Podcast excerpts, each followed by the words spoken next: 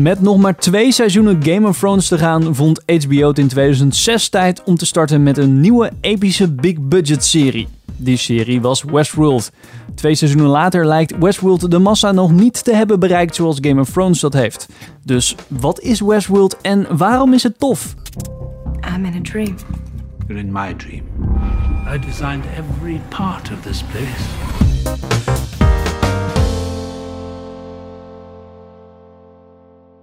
Welkom bij een nieuwe aflevering van Filmers en een nieuwe monoloog. Vandaag praten we hierbij over Westworld, de sci-fi serie van HBO, waar inmiddels al twee seizoenen van uit zijn. Westworld is gebaseerd op de gelijknamige film uit 1973. Deze werd geschreven en geregisseerd door Michael Crichton. Als die naam je bekend voorkomt, komt dat waarschijnlijk omdat hij tevens het brein achter het boek Jurassic Park is. computer technology and people lifelike robot men women.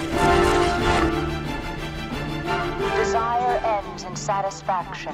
Westworld neemt ons mee naar de nabije toekomst en het concept is simpel.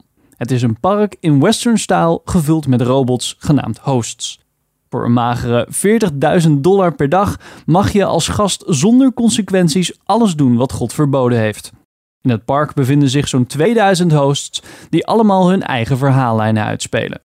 Belangrijke rollen worden gespeeld door grote namen als Anthony Hopkins, Ed Harris en Jeffrey Wright.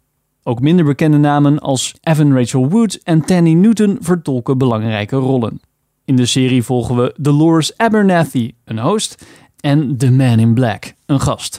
Dolores leeft jaar in jaar uit dezelfde voorgeprogrammeerde dag ten behoeve van de gasten in het park. Wanneer ze wakker wordt, is ze de dag ervoor weer vergeten. Zo is ze geprogrammeerd. De Man in Black, gespeeld door Ed Harris, is een mysterieuze man die duidelijk al vaker in het park is geweest. Hij is obsessief op zoek naar een diepere, geheime laag in het park. Daarnaast worden we meegenomen achter de schermen, waar programmeur Bernard, het karakter van Jeffrey Wright, de boel onder controle probeert te houden wanneer de hosts beginnen af te wijken van hun programmatuur. Met het afwijken van de code bij een aantal hosts begint de zoektocht naar volwaardige kunstmatige intelligentie. Om dit te bereiken moeten de hosts de mees bereiken. Wat de mees precies inhoudt, dat weet alleen de man die het park gecreëerd heeft. De mysterieuze Dr. Robert Ford, gespeeld door Anthony Hopkins. Wat de serie volgens velen interessant maakt, is de exploratie van de relatie tussen mens en kunstmatige intelligentie. Interactie tussen mens en host staat in de serie centraal. Wat betekent het om mens te zijn? Is er verschil tussen menselijk en kunstmatig bewustzijn? Dit thema wordt door showrunners Jonathan Nolan, broertje van Christopher, en Lisa Joy centraal gesteld. Het eerste seizoen was met 22 Emmy-nominaties en gemiddeld 1,8 miljoen kijkers per aflevering een aardig succes. Het ziet er echter niet naar uit dat Westworld de rol van kaskraker van Game of Thrones gaat overnemen. Waar Game of Thrones in seizoen 2 gemiddeld 5 miljoen kijkers trok, daalde het cijfer voor Westworld in het tweede seizoen naar 1,6 miljoen kijkers. Het lijkt er dus niet op dat HBO een serie in de handen heeft waarmee ze de Game of Thrones fans bij zich kunnen houden.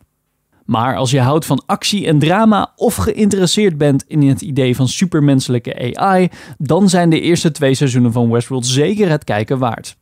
Ondanks de matige cijfers en het torenhoge productiebudget, seizoen 1 kostte zo'n 100 miljoen dollar, heeft HBO al wel een derde seizoen aangekondigd. De release datum is nog niet bekend, maar ga ervan uit dat dit pas in 2020 zal zijn. Heb je Westworld al gezien? Laat ons dan weten wat je ervan vond. Als je wilt weten wat wij van de serie vinden, dan kan je onze terugblikken kijken over seizoen 1 en 2. Bedankt voor het kijken, vergeet niet te liken en te abonneren. En tot de volgende aflevering.